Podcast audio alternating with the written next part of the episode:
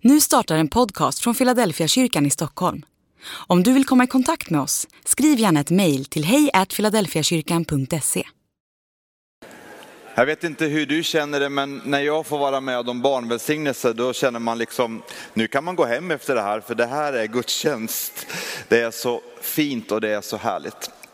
Men jag ska ändå under några minuter predika. Eh, det hör ju också till gudstjänsten.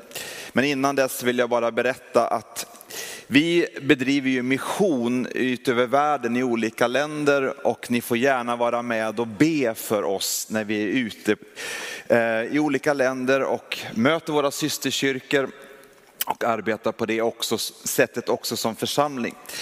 Denna helgen och under två veckor så är Anton Almark och Frida Igefjord som våra, några av våra pastorer nere i Tanzania hos våra missionärer Bengt och Susanne Klingberg. Och imorgon så reser Niklas Pienso och jag till Egypten, till Kairo för att möta församlingen Kassel Dubara eh, som vi står i relation till. Under nästa vecka så reser också våran Europamissionär Pelle Hörnmark till Rumänien och till Moldavien. Och nästa söndag om en vecka så är jag tillsammans med Pelle Hörnmark i Albanien och sen i Montenegro för en konferens för pastorer i hela Balkanregionen. Och på det sättet så arbetar vi hela tiden och ni får gärna vara med att be för oss i det. Vi är inne i en serie som vi kallar för goda nyheter. Förra söndagen under påsksöndagen så började eh, Niklas Pienso den serien genom att tala eh, och jag kan varmt rekommendera att ni lyssnar på det om ni inte har redan gjort det. För det var en fantastisk predikan och en inledning på denna serie om goda nyheter. Dagens bibeltext hämtar vi ifrån Apostlagärningarna, det andra kapitlet, vers 37 till 38. Det är det sammanhang när församlingen föds på pingstdagen, när man är samlade och Guds ande, den heliga ande faller över dem som var samlade i den övre salen. De går ut och möter alla som finns där ute i Jerusalem och Petrus predikar. Och när han har predikat så står det så här, orden träffade dem i hjärtat och de frågade Petrus och de andra apostlarna, bröder, vad skall vi göra?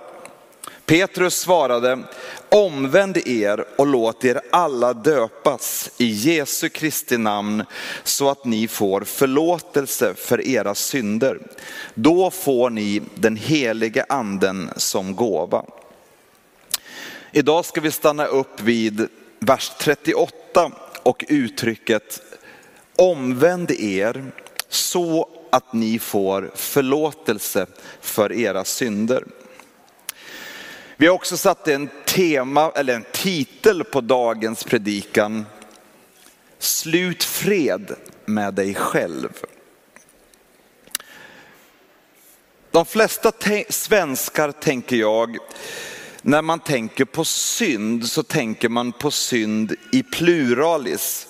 En lista på förfärliga saker som är förkastliga. Syndakatalogen, ett uttryck från vår historia på en lista av synder. I Nya Testamentet i Bibeln så är synden ofta benämnd i singularis. Som om det är en enda sak som är roten till det som sen blir många synder i våra liv. Och när vi då tittar i Bibeln och läser, vad är det då som är denna rot och vad är det som är den stora synden som sen blir och leder till många synder i våra liv? Vad är ursynden? Vi kan läsa i Bibeln om att det är avgudadyrkan som är denna ursynd. Syndens rot är alltså att inte tillbe Gud som Gud i våra liv. Det är inte speciellt vanligt i Sverige idag att vi tillber avgudar i några slags avgudatempel. Men det är nog ganska vanligt att vi dyrkar oss själva. Att universums centrum blir jaget. Vi lever i en narcissistisk tid. Där vi blir självupptagna till döds. Narcissos, det är därifrån vi har hämtat det här med narcissism. Det är hämtat från grekisk mytologi. En ung snygg man som får syn på sin spegelbild i en sjö och blir så förälskad i sig själv att han sitter och tittar på sig själv tills han svälter ihjäl.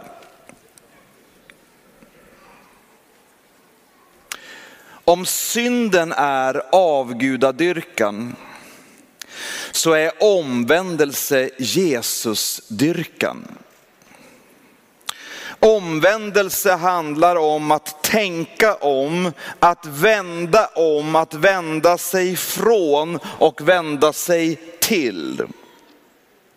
Vi vänder oss bort från att dyrka oss själva, att sätta egot, jaget i centrum. Vi vänder oss bort ifrån självupptagenhet, självcentrering och vi vänder oss till Jesus med en längtan och bön att Jesus ska få vara i centrum i våra liv.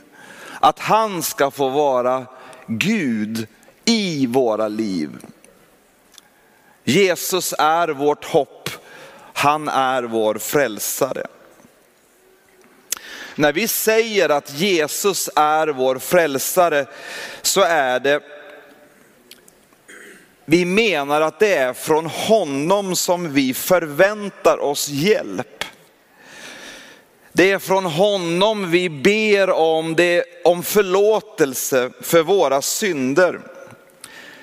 Vi sätter inte vårt hopp till oss själva, utan vi inser att vi behöver Gud och vi behöver Jesus i våra liv.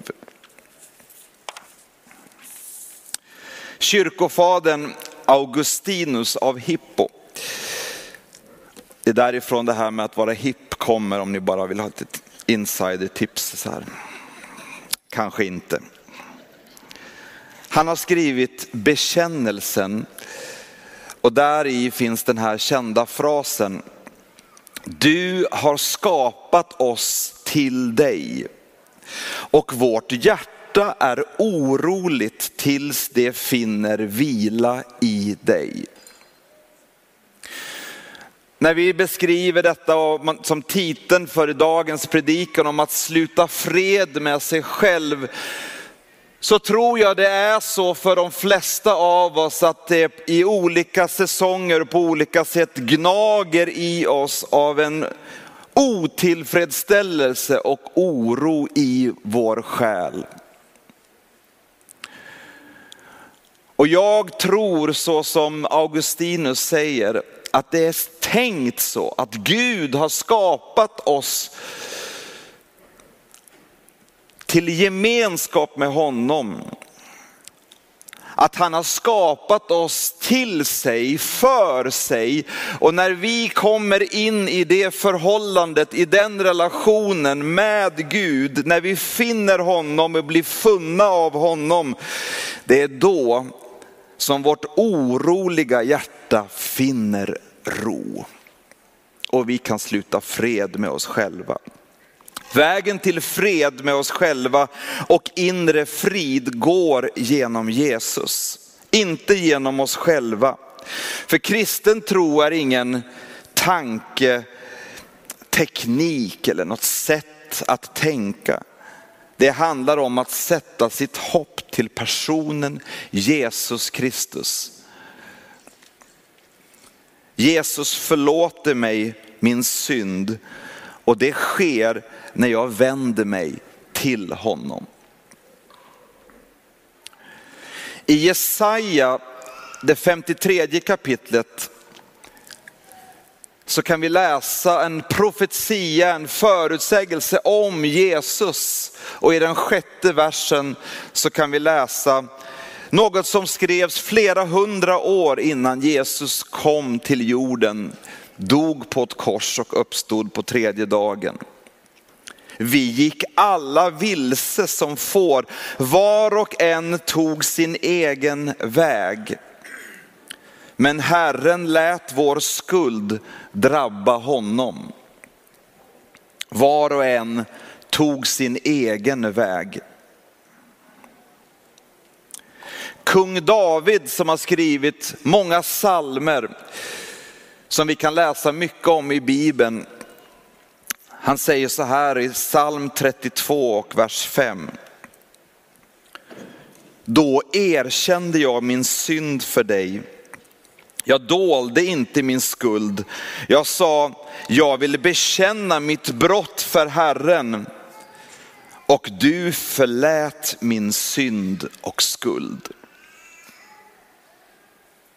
I Nya Testamentet, i första Johannes brev, i det första kapitlet, så kan vi läsa så här i vers 7 och framåt. Men om vi vandrar i ljuset, liksom han är i ljuset, då har vi gemenskap med varandra.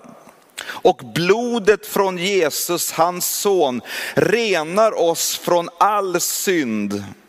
Om vi säger att vi är utan synd bedrar vi oss själva och sanningen finns inte i oss. Om vi bekänner våra synder är han trofast och rättfärdig så att han förlåter oss synderna och renar oss från all orättfärdighet. Skuld är någonting som vi kan känna och uppleva på olika sätt. Jag vill mena att det finns en falsk skuld också som får en att känna sig fel utan att ha gjort fel. När jag går igenom tullen på en flygplats, då känner jag mig alltid skyldig.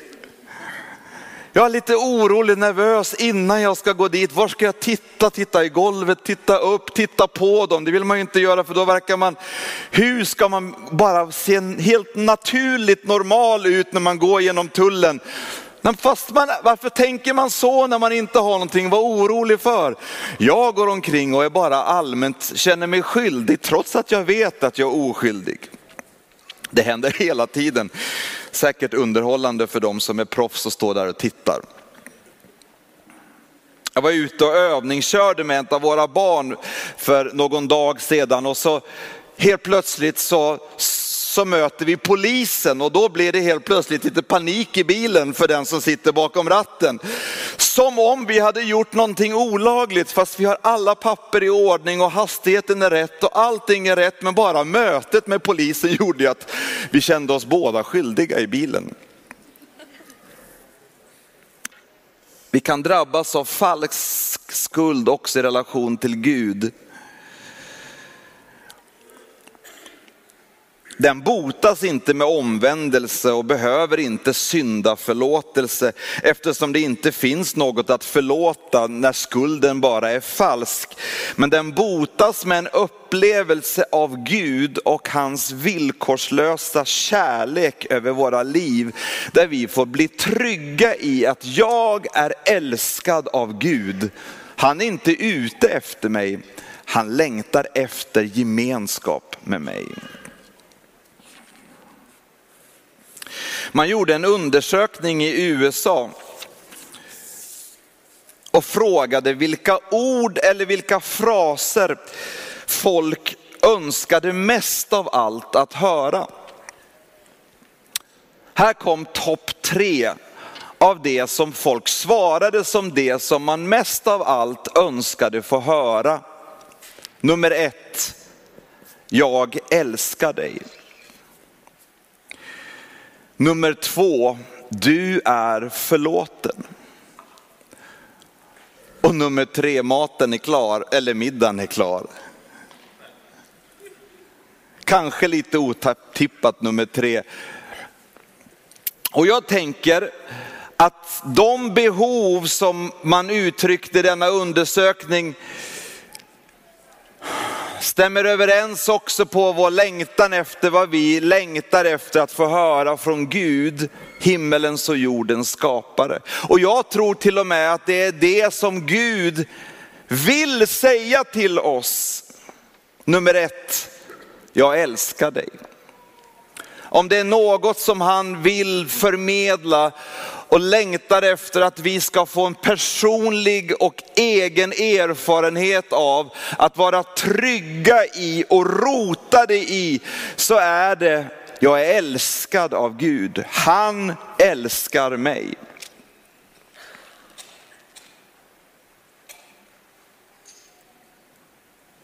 Det är underbart att se barn i deras trygghet relation till föräldrar. Gud är vår far och önskar inget hellre än att vi ska bli så trygga i hans kärlek till oss.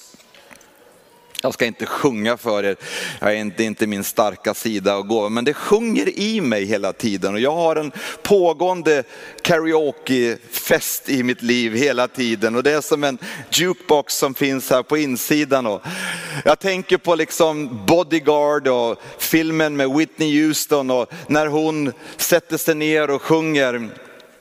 Jag skulle ju inte sjunga till för er, men nu är vi ändå där liksom. Yes, Jesus loves me. Yes, Jesus loves me. Yes, Jesus loves me. Cause the Bible tells me so. Även om vi inte sjunger sången så önskar jag och ber att det hos oss ska få sjunga i oss. Att vi vet han älskar mig. Och det andra, att i vår relation till Gud vara trygg i att han har förlåtit mig. Jag är förlåten. Det tredje som, som vi läste om som, i den här undersökningen om att middagen är klar och Andreas, nu ska det bli intressant att höra hur du får ihop det här utifrån någon slags teologisk aspekt om att middagen skulle vara klar, att det är Guds budskap. Men jag tänker mig så här. Vad tänkte jag nu igen? Vad var det jag skulle säga? Nej. När vi läser i Uppenbarelseboken, det tredje kapitlet och vers 20, så står det om Jesus att han står och bultar och klappar på dörren. Om vi hör hans röst och öppnar dörren så vill han komma in och ha måltid med oss. Han vill äta med oss. Jag tänker ibland att när vi hör det här i våra hjärtan hjärtan, då tror jag många resonerar som att Gud är ute efter mig. Det är någonting han vill ta itu med med mig. Men vad Bibeln säger i Uppenbarelseboken är att när han står och knackar och klappar på vårt hjärtats dörr, om vi hör hans röst så kan vi välja att öppna dörren och han vill komma in och säger middagen är klar. När den förlorade sonen återvänder och kommer hem, då är det middag, då är det värsta festen. När Jesus har uppstått från de döda och på nytt möter lärjungarna som hade lämnat honom, så har han förberett värsta barbecue på stranden med färdig fisk och säger middagen är klar. Och när vi vänder oss bort från oss själva till Gud tar emot syndernas förlåtelse, låter döpa oss, får den heliga ande som gåva, så välkomnas vi in i Guds familj. Och vi är bjudna till hans bord. Det är för mig goda nyheter. Ska vi be tillsammans?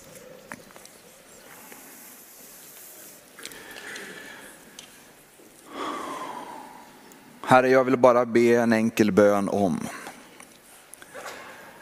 att var och en som önskar och längtar ska få erfara och uppleva att goda nyheter på riktigt blir goda nyheter. Att vi ska få uppleva kraften i syndernas förlåtelse får bli trygga och rotade i din kärlek, i att vi kan veta att vi är älskade av dig. Du är inte ute efter oss utan du längtar efter oss och du välkomnar oss med öppen famn.